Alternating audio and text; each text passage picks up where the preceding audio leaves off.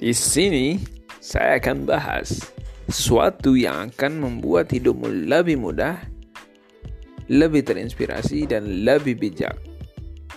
Ayo lanjutkan.